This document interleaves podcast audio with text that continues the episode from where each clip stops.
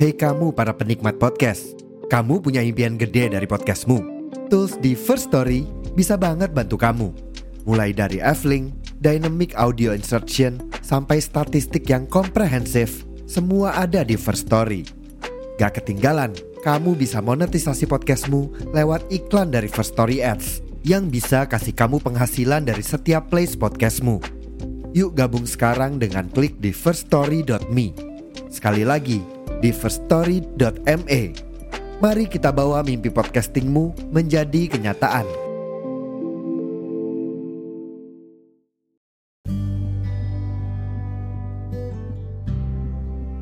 Halo listener podcast Maskur, kembali lagi, kembali lagi bersama kami, saya Raihan Alif. Dan saya Vigo Reno Mandala. Nah, teman-teman listener podcast Maskur, pada episode hari ini kita akan bahas uh, tentang uh, pemuda. Nah, tentunya kita juga akan memperingati Hari Sumpah Pemuda yang kemarin tanggal 28 Oktober. Benar begitu nggak, Vigo? Nah, iya, betul sekali, Kak. Ya. Nah, teman-teman listener, nah uh, Sumpah Pemuda ini merupakan satu tonggak utama dalam sejarah pergerakan kemerdekaan Indonesia. Nah, tentunya kita sebagai pemuda uh, generasi Indonesia, tentunya kita harus uh, bagaimana sih kita menciptakan uh, sebuah nilai norma uh, untuk menjunjung tinggi uh, atau memperingati dari Hari Sumpah Pemuda ini. Nah, tentunya di episode hari ini kita akan ngobrol, ya ngobrol santai-santai. Kita akan berbicara terkait uh, bagaimana sih uh, menjadi pemuda Indonesia yang baik, tentunya untuk memperingati Hari uh, Sumpah Pemuda ini. Nah, uh, kita uh, ngobrol bareng sama Mas Vigo. Oke, Mas Vigo, aku mau tanya nih, kalau uh, dari Mas Vigo sendiri nih untuk merayakan Hari Sumpah Pemuda zaman sekarang itu bentuknya seperti apa sih kalau dari Mas Vigo sendiri? Ya, uh, sebelumnya uh, terima kasih nih sudah diundang di podcast kali ini Kak Raihan.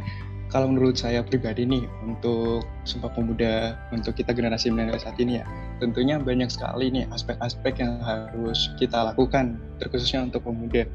Dengan cara mungkin karena memang kita di era digitalisasi kali ini tentunya yang kita lakukan banyak sekali ini dengan cara mungkin kita bisa melakukan secara transparan kepada media. Misalnya teman-teman yang punya bakat di public speaking bisa nih kita membuatkan salah satu contoh. Misalnya sebagai motivator bisa menyampaikan apa sih yang dimaksud dengan pemuda seperti apa pemuda dan misalnya nih dalam artian uh, bukan hanya di public speaking aja, misalnya yang berbakat di video editor atau mungkin bisa desain dan sebagainya bisa diupload juga dengan kreativitas teman-teman untuk media grafis yang didukung dengan era sekarang. Tapi uh, di satu sisi lagi nih Keraihan kalau untuk berbicara terkait era sekarang, menurut saya pemuda juga harus menerapkan yang di mana tentang uh, tiga aspek di Sumpah Pemuda tersebut yang di mana nanti kita harusnya uh, sebagai pemuda harusnya lebih mentoleransi dalam artian kita bisa mentoleransi dalam agama, suku, ras maupun sebagainya. Dan yang kedua tentunya kita harus menjunjung tinggi uh, bangsa kita dengan sebagai pemuda harusnya kita bisa mentolak ukur nih bahwasanya kita sebagai pemuda bisa lebih baik lagi untuk generasi-generasi selanjutnya. Dan yang terakhir tentunya kita selalu menjunjung bahasa kita bahasa persatuan adalah bahasa Indonesia tanpa mengurangi kultur maupun budaya. Kurang lebih seperti itu Kak Rayhan. Nah, betul banget nih. Aku setuju juga sama yang dikatakan sama Mas Vigo. Jadi, apa ya, kita sebagai pemuda itu harus punya apa ya, kayak kemampuan ya, kemampuan dalam artian bagaimana sih cara kita itu uh, memberikan semangat apalagi kan di sekarang ya Mas Piko di era sekarang itu pemuda-pemuda pada uh, insecure kemudian juga hmm, betul sekali semangatnya turun gampang down terus uh, sedikit-dikit kayak mengeluh gitu nah kalau ya. ah, betul overthinking itu kalau dari Mas Vigo sendiri ya buat mencegah hal tersebut itu seperti apa sih? Mungkin dari teman-teman listener nih yang lagi merasakan fase ya. itu. Ya. Uh, terima kasih Kak Rehan. Kalau dari saya sendiri untuk pengalaman sendiri apalagi kita adalah kaum perubahan ya khususnya. Uh, kalau dari saya sendiri tentunya kita mulai tanamkan dulu dari mindset kita, dari pribadi kita sendiri. Kalau kita nggak mau berusaha dari sekarang ke depannya kita mau jadi apa. Jadi silakan tanamkan mindset terbaik dari teman-teman. Kalau kita nggak mau berproses saat ini, mau sampai kapan nih kita ke depannya? Mungkin dari teman-teman sendiri silakan uh, bisa mengambil peran dalam arti teman-teman bisa menimbulkan dulu dari segi kemalasan teman-teman bisa dihindari dalam artian mungkin yang sering bermalas-malasan, sering bermain gadget, gadget apa uh, teknologi gadget lah misalnya 24 jam bisa dikurangi nih sehari mungkin dikurangi dalam bermain HP bisa lebih fokus ke belajar atau bisa menggunakan hal-hal positif dalam artian nongkrong. Nongkrong itu nggak selamain buruk ya dalam artian nongkrong dalam iya, teman-teman ya, bisa berbicara apa saja seperti itu. Oh, sih bener banget ya. Apalagi zaman sekarang tuh kalau nongkrong tuh uh, pada bahasnya cinta ya nggak? Kadang kita betul, iya ya memang ada kalanya kita nongkrong ya bercanda bercanda tuh hal wajar. Nanti setelah kita ngobrol yang seru-seru nanti kita juga kadang ada sesi bahas yang agak apa ya ada kita pulang tuh nggak sebatas bahwa kesenangan aja tapi bawa ilmu itu juga penting ya kalau kita iya betul banget. Tapi aku mau tanya lagi deh sama Mas Viko uh, tentang uh, ini mindset. Kadang itu kan merubah mindset itu kan nggak mudah ya.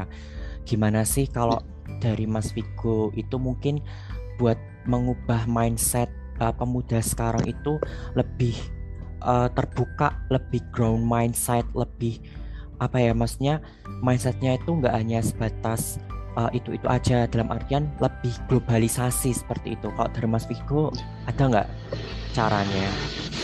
Ya, uh, sedikit tips dari saya mungkin karena uh, ini mungkin bisa diterapkan juga ya, khususnya bahkan saya pribadi pun masih menerapkan ini dalam sehari-hari. Uh, yang pertama tentunya kita belajar dulu nih open minded di mana uh, kita berpikir terbuka. Dalam artian kita mau nih menerima kritik saran dari siapa saja. Karena kalau kita nggak menerima itu gimana nih pendapat dari teman-teman? Masa iya kita egois kepada diri kita sendiri? Kalau kita mau belajar tentunya kita harus terbuka dulu untuk pemikiran kita. Terus yang kedua uh, untuk yang kedua menurut saya tentunya penting sekali relasi di luar di mana uh, eh, kaum saat ini kan bahkan ya ada yang misalnya kaum perubahan kebanyakan itu rata-rata anaknya introvert. Kalau menurut saya nggak nggak ada salahnya nih introvert tapi coba cari relasi sebanyak banyaknya mungkin bisa di online atau makan mungkin yang anak-anak extrovert bisa. Seperti tadi teman-teman nongkrong seperti itu. Gunanya relasi itu banyak banget menurut saya. Seperti itu kan ayah dua cara itu dulu oh iya. Nih teman-teman listener nih buat aku juga ya. Kita harus banyak relasi. Betul gitu ya Mas Viko ya? Karena kalau kita Betul punya sekali, relasi terus kita kan kalau kita punya banyak teman itu juga teman-temannya tapi yang baik-baik ya itu akan Wajib. membuka Wajib. cara berpikir kita ya. Terus juga uh, membuka uh, dunia tentang dunia ini lebih luas lagi itu teman-teman listener. Jadi kita sebagai seorang pemuda harus uh, punya semangat ya. Apalagi kan ini apa ya memperingati hari Sumpah Pemuda nih. Berarti kan kita harus gimana sih caranya uh, menjunjung tinggi tanah air kita terutama pemuda-pemuda sekarang ya. Harus menjadi generasi-generasi yang membanggakan. Seperti itu. Amin, amin. Nah, nah uh, ini Mas Vigo, aku juga mau tanya. Tadi kan kita udah ngobrol uh, terkait tentang uh, gimana cara mengubah mindset, kemudian media-media uh, bagi pemuda-pemuda sekarang itu seperti apa kayak tadi yang public speaking, kemudian uh, menumbuhkan rasa semangat relasi dan sebagainya. Kalau menurut dari kacamata atau sudut pandang Mas Vigo sendiri ya, untuk pemuda bangsa Indonesia bangsa Indonesia sekarang ini tuh untuk mem, apakah masih memiliki jiwa nasionalisme? Apalagi kan sekarang ini ya banyak banget tren-tren yang di TikTok kan ya maksudnya ya, Mas Ciko tahu sendiri kan kayak gimana. Iya, betul, betul. Menanggapi itu seperti apa? Siap, siap. Uh, terima kasih nih Kak Raihan. Pertanyaannya luar biasa sekali kalau saya dengar. Uh, izin menjawab Kak Raihan. Kalau menurut saya jiwa nasionalis pemuda saat ini tentunya masih ada nih. Bukan masih ada, tapi sangat ada. Karena kenapa? Karena kita lihat sendiri. Uh, bahkan ya, kalau kita lihat dari momen-momen belakangan, misalnya uh, banyak sekali nih kesalahan-kesalahan atau mungkin uh, banyak sekali problem maupun masalah di bangsa ini banyak sekali nih pemuda-pemuda yang turun ke jalan misalnya salah satunya turun ke jalan dan bahkan ada juga ini yang mensuara, mensuarakan lewat mungkin media sosial dan segala macamnya jadi kalau menurut saya jiwa nasional ini tentunya akan tetapi di sini kita bisa menggaris bawahan menggaris bawahi dalam artian yang seperti disebutkan yang tadi terkait mungkin uh, pemuda kurang banget nih untuk tapi tren-tren yang sekarang.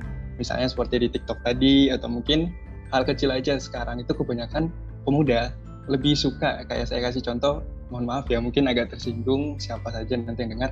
Misalnya nih mereka lebih senang nih untuk produk luar dalam artian mungkin uh, drakor atau sebagainya macamnya. Mungkin ini bisa dihilangkan sedikit demi sedikit nggak harus jadi prioritas. Jadi uh, mungkin pemuda bisa alihkan itu kepada mungkin nongkrong sama teman sebayanya atau mungkin membahas bangsa ini ke depannya seperti apa. Yang lebih seperti itu Raihan. Oh iya ya uh, aku setuju banget sih apa yang dikata sama Mas Viko jadi uh, perlu adanya pengurangan ya ya nggak ada salahnya sih ya kalau kita ya, mencoba kayak tren-tren tapi jangan sampai uh, menghilangkan budaya atau ya budaya Indonesia sendiri ya.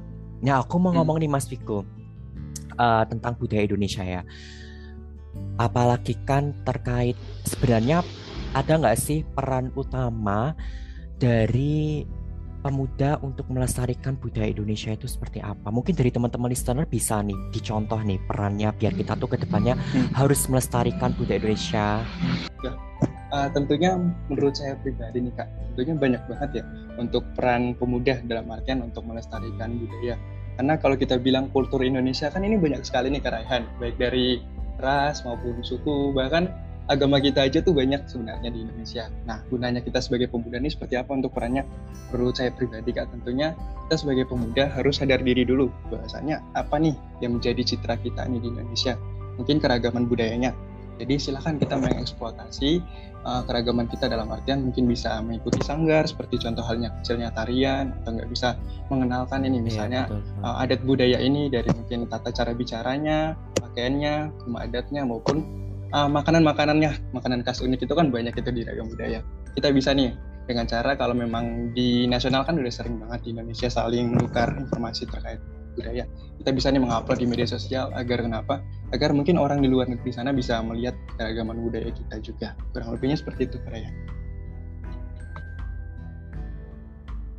Oh ya, itu ya teman-teman tips uh, bukan tips semestinya uh, peran kita sebagai seorang uh, pemuda untuk uh, melestarikan budaya Indonesia biar lebih ke mancanegara apalagi kan sekarang banyak banget ya Mas Viko ya pemuda-pemuda sekarang yang yeah.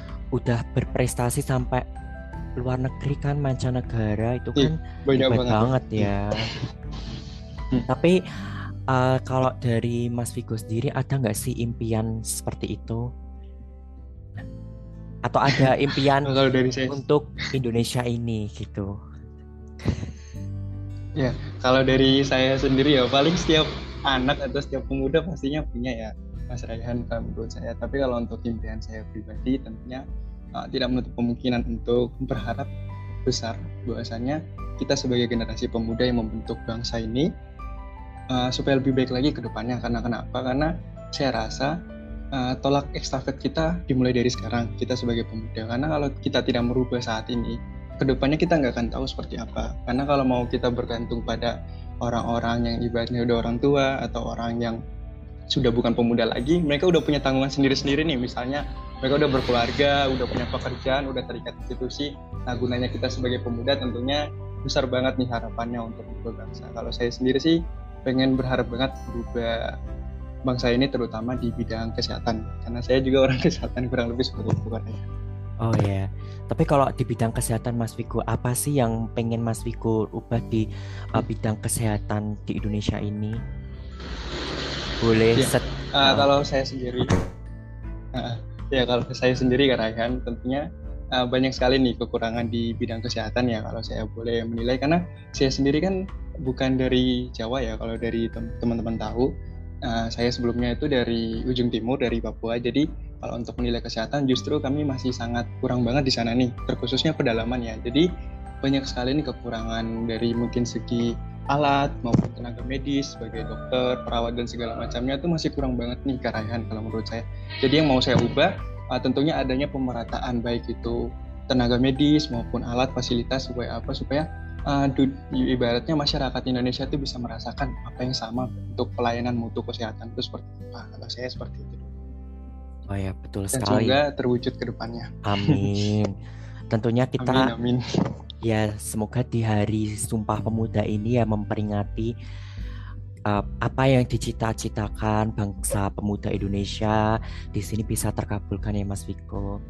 Apalagi kan amin, amin. apa ya uh, aku sama Mas Viko ini kan juga mahasiswa ya. Mahasiswa itu kan agent of change ya kalau orang bilang ya. Iya betul banget. Jadi bisa dibilang mahasiswa tuh uh, kayak generasi ya semua generasi yang nggak hanya mahasiswa aja ya tapi kita berusaha sebagaimana sih cara kita sebagai seorang mahasiswa tuh uh, bisa menjadi contoh lah ya contoh baik untuk pemuda-pemuda uh, di masa yang akan datang gitu nah teman-teman listener nih teman-teman listener juga harus uh, tetap menjunjung tinggi ya meskipun banyak sekali godaan-godaannya ya trending-trending yang banyak banget kan. Apalagi ini ya Mas Vigo sekarang tuh banyak banget penyimpangan-penyimpangan terkait pemuda ya kan. Itu kalau dari Mas Vigo sendiri nih cara mengatasinya gimana sih? Soalnya kan pasti Mas Vigo juga pernah lihat kan kayak terutama pacaran deh. Pacaran itu kan juga iya. merusak generasi muda kan yang pacarannya akhirnya hamil kemudian uh, hamil terus yang cowoknya nggak mau tanggung jawab akhirnya si ceweknya terpaksa harus menggugurkan atau pernikahan dini yang belum siap mental kemudian uh, dari segi apa pun kalau dari Mas Viko nih menanggapi hal tersebut seperti apa? Uh, kalau dari saya sendiri Mas Raihan karena kalau kita lihat kita generasi yang sudah masuk di pemuda tentunya banyak sekali nih rasa ingin tahu khususnya dari kita sendiri nih. Rasa ingin tahunya itu luas banget nih. Ibaratnya kita sekarang adalah agen perubahan bangsa yang di mana kita tuh dituntut untuk harus bukan harus sih tapi hampir mengetahui keseluruhan. Tergantung pergaulan kita juga kembali di konteksnya itu. Jadi kalau menurut saya menikapi hal-hal yang menyimpang tersebut tentunya dari diri kita sendiri harus dirubah dulu dalam artian kita harus punya life plan kalau saya bilang life plan itu misalnya lima tahun ke depan 10 tahun ke depan atau bahkan 15 tahun ke depan kita mau seperti apa. Misalnya kalau dari saya sendiri nih Kak misalnya saya mau jadi uh, perawat profesional berarti apa nih langkah-langkah yang harus saya lakukan? Mungkin sekarang saya harus belajar lebih tekun lagi di akademis saya harus menjalin relasi dalam bidang keperawatan terkhususnya supaya apa? Supaya saya nggak hanya bersifat akademis saja jadi dalam artian saya juga bisa nih menguji soft skill saya di bidang saya seperti itu. Dan juga kita hanya kita jangan hanya punya life plan aja kalau menurut saya. Tentunya kita harus punya goals atau uh, pencapaian yang tinggi dalam artian ini sudah saatnya kita mengejar mimpi kita. Bukan hanya bermimpi aja terus-terusan seperti itu. Kalau kita nggak mau seperti itu kita jangan mau kalah dengan orang lain lah ibaratnya kayak gitu. Karena kalau kita hanya ber, berpusat kepada yang menyimpang-menyimpang yang disebutkan tadi dari Mas Rekan saya rasa sudah bukan masanya kita seperti itu. Karena kalau kita terlibat pada masa yang begitu ke depannya kita malah um, merusak nih merusak baik dari diri kita sendiri merusak kepercayaan orang tua maupun orang-orang sekitar yang sayang pada kita dan itu merugikan sekali untuk kehidupan kita ke depannya. Itu kan betul banget nih. Nah teman-teman listener nih uh, kita daripada kita uh, berbuat menyimpang ya mending kita yeah. memanfaatkan masa muda kita nggak sih dengan hal yang baik? Betul betul. Kayak Positif, ya. oh betul. Kayak ikut organisasi atau uh, membaca buku, kemudian atau bisa menyibukkan hal-hal yang buat kita tuh hidup produktif karena yeah. di mana pun kan kita kalau kita apa ya maksudnya kalau kita membuat menyimpang ya perbuatan menyimpang kan yang yeah. kan cuma diri kita ya tapi keluarga iya. kita yeah. orang tua kita kasihan kan kalau udah disekolahin mm. uh, sampai ting uh, tinggi mungkin kita malah uh, menyia-nyiakan perjuangan orang tua kita kan juga kasihan ya. ya. Jadi kita sebagai seorang pemuda harus memiliki value ya, ya kan? Gimana Mas Viko? Betul sekali Kak Ryan, karena uh, kalau kita sering merasakan ya mungkin Kak Ryan juga sering merasakan dalam artian dalam kehidupan kita sehari-hari pasti banyak sekali nih pemuda saat ini yang bilang kalau nggak dicoba kapan lagi nih kayak gini kalau enggak ya kita kan hidup cuma sekali nih kebanyakan yeah. kan banyak yang ngomong itu tapi kembali lagi pada diri kita kalau kita udah tahu dampak ya kenapa harus kita lakukan pada Betul. seperti itu kan aja ya jadi kita sebagai pemuda Indonesia memperingati Hari Sumpah Pemuda ini tidak hanya sebatas uh, maksudnya kayak menjunjung tanah air tapi kita juga harus memperkuat keimanan kita juga ya Mas Viko ya. betul, betul Dari segi ke akidah, pengetahuan uh, dan lain-lain ya kan. Apalagi sekarang tuh oh ya aku tadi juga mau nyinggung nih Mas Viko kan kita ya sebagai pemuda ya gagal itu ya. wajar ya mungkin wajar, dari ya. sumpah pemuda ini nih uh, gimana sih Mas Viko cara agar sebagai seorang pemuda tuh nggak insecure aku juga sering insecure sih kayak ngerasa kok aku nggak ada hmm. merasa kalau diri aku tuh uh, kurang baik gitu loh. Dalam artian kok yang lain udah berusaha menjadi pribadi yang baik tapi kenapa aku kok masih gini-gini aja? Pencapaianku tuh apa? File lu dalam nilaiku tuh apa? Untuk mengatasi hal tersebut itu seperti apa ya? Menghilangi insecure dan percaya bahwa kita tuh sebenarnya mampu gitu. Ya uh, berbicara soal insecure karena saya rasa setiap manusia tetap ada rasa itu menurut saya insecure, overthinking itu sering banget. Bahkan saya pun sering merasakan hal itu. Untuk menyikapi hal tersebut, uh, menurut saya pribadi, uh, saya sering dalam artian saya sering uh, berterima kasih dalam artian saya bersyukur nih. Ibaratnya sudah jadi yang sekarang saya bersyukur tapi kita nggak ingat tempat selanjutnya kalau saya sendiri tentunya kita butuh nih apresiasi diri kita sendiri. Dan kita udah apresiasi capeknya kita udah kuliah segininya masa kita kurang apresiasi dari diri kita sendiri? Kenapa kita harus menunggu orang lain kalau kita nggak bisa apresiasi diri kita sendiri? Kalau saya seperti itu karena jadi uh, setelah apresiasi kita sendiri tentunya kita juga butuh nih pengakuan dari orang lain. Ibaratnya pengakuan dalam artian di sini bukan hanya pujian cukup orang lain mendengarkan aja kebanyakan orang udah senang seperti itu. Jadi hmm. penting lagi di mana kita harus ada relasi lagi teman yang baik dalam tongkrongan. Jadi uh, kurang lebih seperti itulah. Buatlah lingkunganmu sebaik mungkin agar kamu juga bisa lebih baik ke depannya. Setuju banget. Nah teman-teman listener nih bisa diterapkan ya. Mas apa kayak uh, se apa pesan dari Mas Riko ini? Terus kita juga sebagai seorang pemuda juga apa ya harus yakin ya dengan kemampuan kita ya. Kalau kita tuh bisa kita nggak buat ya harus berusaha buat mematahkan pikiran-pikiran negatif overthinking itu kan yang sering dialami pemuda-pemuda zaman sekarang kan itu juga harus cari lingkungan yang betul, baik banget, ya.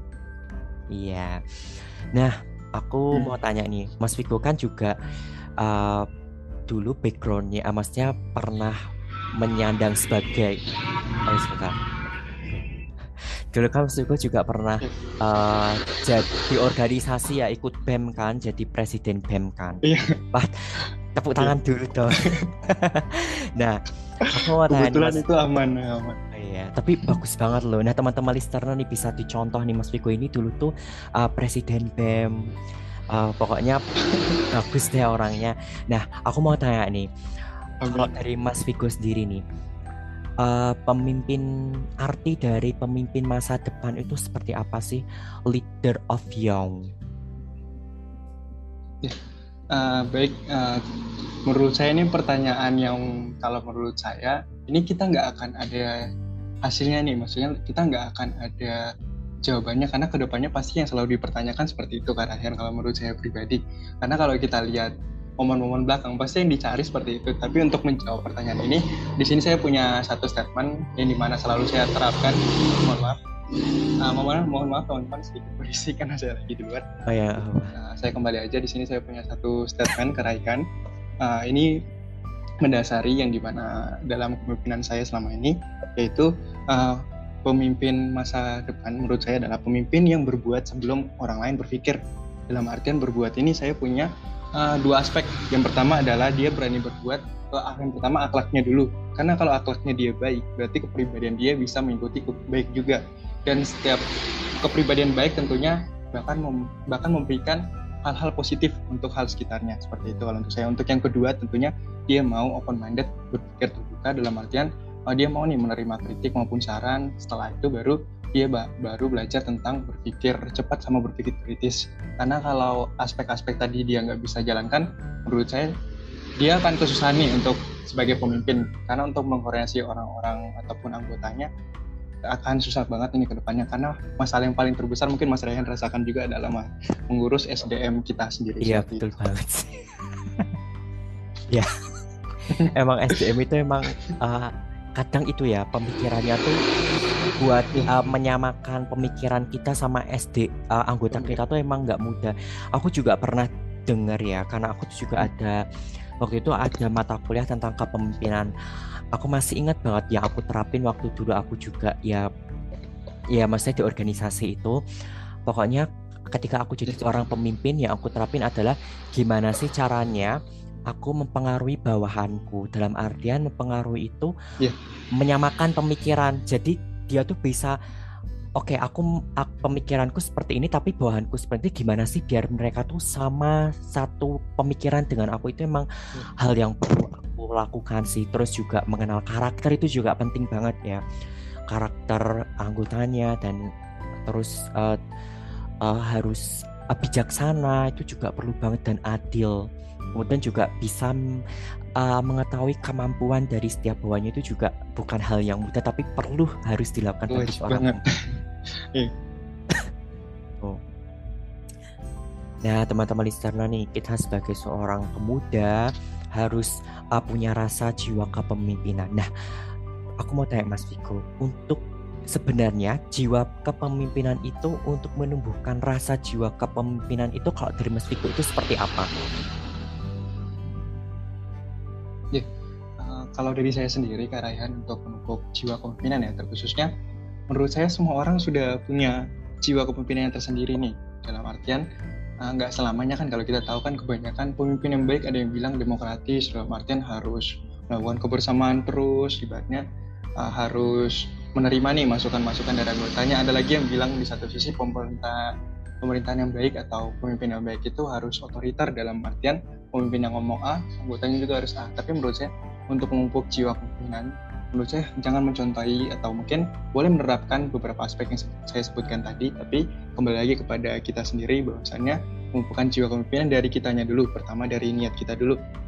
Kalau niat kita nggak baik, dalam artian kita belum siap ayo nih cari cara gimana caranya supaya kita siap mungkin bisa uh, kita melihat atau mungkin di lingkungan kita silahkan mencari mentor. Dalam artian mentor yang menurut teman-teman oh ini layak nih saya jadikan mentor saya untuk belajar sebagai pemimpin. Terus setelah itu silahkan teman-teman mengeksplorasi kemampuan teman-teman. Misalnya kemampuan seperti apa yang teman-teman bisa terapkan sesuai dengan perbedaan teman-teman. Tapi kembali lagi kalau dua aspek tadi teman-teman lakukan alangkah baiknya teman-teman harus seperti tadi yang Mas Rehan bilang kita harus mengenal karakter anggota kita dulu. Karena kembali lagi SDM itu pasti punya masalah yang beda banget dan itu tiap karakter pasti punya masalahnya tersendiri. Seperti itu kan ya betul banget sih. Jadi memang setiap orang itu aku juga setuju apa yang dikatakan sama Mas Riko ya teman-teman listener. Jadi sebenarnya setiap manusia individu itu udah ada jiwa kepemimpinannya tinggal kitanya aja kan yang uh, mengasah dan yeah. mengembangkan dan meningkatkan jiwa kepemimpinan itu. Nah, tadi kan kita udah ngobrol banyak banget ya Mas uh, Viko uh, mulai dari uh, Sumpah Pemuda sekarang itu seperti apa, kemudian uh, dari tips tadi kayak biar ke overthinking, kemudian uh, cara meningkatkan jiwa kepemimpinan dan lain sebagainya. Mungkin ada nggak sih dari Mas iya. Viko uh, masukan untuk uh, pemuda-pemudi uh, era sekarang. Uh, uh, terima kasih Kak Ryan atas kesempatannya. Uh, di sini saya izin menyampaikan quote saja buat teman-teman yang mendengarkan nanti, ya di mana kita sebagai pemuda tentunya uh, hayalan atau imajinasi hanyalah sekedar fantasi merujuk frustasi. Tapi mimpi-mimpi serta harapan dari orang-orang yang mencintai kamu harus segera diterrealisasi mohon maaf saya ulang aja karena memang lagi berisik. Nah, hayalan atau imajinasi hanyalah sekedar fantasi yang merujuk pada frustasi. Untuk itu mimpi-mimpi maupun harapan orang-orang yang mencintai kamu harus segera harus segera terrealisasi. Seperti itu karena ya betul banget. Jadi uh, sebenarnya kalau kita punya mimpi kita harus punya action juga ya Mas Viko gimana sih cara kita betul, betul. kayak aku nih punya mimpi, Mas Viko punya mimpi, teman-teman listener punya iya. mimpi. Yeah. Kita harus bisa um, memberikan kayak merealisasikan mimpi kita yes. karena uh, kalau mimpi hanya sebatas angan-angan tanpa dilakukan itu juga bagaimana secara kita menggapainya betul begitu kan ya nggak sih betul betul betul iya karena kalau kita berbicara uh, saya mendapat satu kutipan juga karengan kutipan yang menurut Albert Einstein pernah mengatakan tidak semua hal yang dapat dihitung dapat diperhitungkan dan tidak semua hal yang dapat diperhitungkan dapat dihitung. Jadi selagi ada kesempatan itu kenapa tidak untuk teman-teman seperti itu kan? Betul banget sih. Dan kita juga uh, apa ya? Ini sih menambah juga apa rasa patah semangat ya Mas Viko ya di era sekarang ini pemuda-pemuda sekarang yang jangan patah mudah patah semangat harus semangat terus maksudnya uh, tidak boleh putus asa ya kan?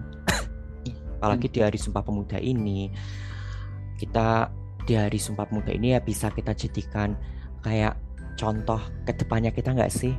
Kayak oh wajib wajib banget hmm.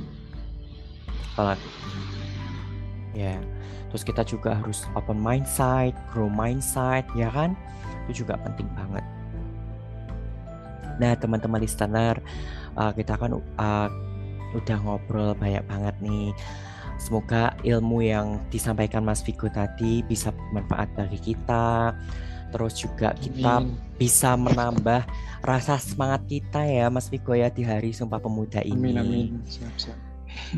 oh ya, harapan Mas Viko untuk Indonesia sekarang ada nggak di Hari Sumpah Pemuda ini?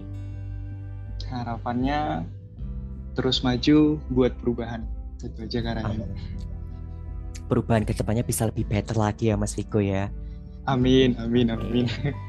Nah, oke okay, teman-teman listener podcast Maskur, uh, sebelum uh, kita um, uh, closing, aku juga mau ngasih uh, kayak pesan untuk uh, pemuda-pemuda sekarang uh, jangan takut dengan tekanan. Karena sejujurnya tanpa tekanan uh, kita tidak bisa berkembang dan tidak bisa uh, lebih baik lagi. Karena dengan tekanan dan tantangan itu bisa akan membuat kita menjadi sebuah pribadi yang kuat tentunya. Seperti halnya batu intan menjadi sebuah berlian yang akan um, memancarkan cahaya yang uh, indah seperti itu. Jadi kita harus uh, semangat di hari Sumpah Pemuda ini. Kita melihat lagi perjuangan-perjuangan pahlawan kita ya Mas Viko ya yang dulu memperjuangkan bangsa Indonesia ini harus, harus uh, menghindari juga hal-hal yang menyimpang seperti itu. Terima kasih Mas Viko udah uh, mampir di podcast Maskur pada episode Sumpah Pemuda. Terima kasih juga Kak Raihan. Semoga apa yang kita obrolkan hari ini bisa bermanfaat ya bagi bagi bagi teman listener bagi teman-teman listener podcast Maskur dan sebagai motivasi juga. Oke teman-teman sebelum yeah Uh, saya dan Mas Viko pamit. Jangan lupa untuk follow akun sosial media dari Maskur Podcast untuk Instagramnya at maskur.podcast double S double R dan untuk TikToknya yaitu Maskur double S double R dan Twitternya Maskur underscore podcast dan jangan lupa untuk uh, isi Curious Chat di bio link Twitter Maskur karena di uh, di situ kalian boleh kayak uh, apa ya maksudnya kayak uh, sharing atau uh, ingin saran lah intinya saran terkait episode hari ini atau episode uh, terbaru di listener podcast Maskur. Wah nggak kerasa banget ya Mas Viko kita udah ngobrol nggak uh, kerasa banget sih emang. Semoga kita gimana Mas Viko? Waktunya kayak cepet banget ya nggak kerasa iya semoga kita kerasa waktunya iya cepet banget. Uh, cepet banget ya teman-teman semoga kita bisa dipertemukan lagi di episode selanjutnya ya Mas Viko ya Oke teman amin. amin. Terima kasih Mas Viko atas waktunya yang sudah mampir berkenan di uh, Maskur Podcast ini. Terima kasih juga Mas Rehan sama teman-teman sudah mengundang saya. oh iya. Ditunggu lagi ya Mas Viko di episode selanjutnya. Semoga masih mau berkenan untuk hadir di podcast Maskur ini. Oke teman-teman listener podcast Maskur, karena kita uh, uh, sudah selesai, um, mungkin sampai di sini dulu obrolan kita tentang episode hari ini. Tentunya jangan lupa untuk follow akun sosial media juga dan selalu stay tune di episode-episode terbaru dari Maskur Podcast. Oke, saya Rehan Alif pamit. Dan saya Sampai jumpa di episode selanjutnya. See you.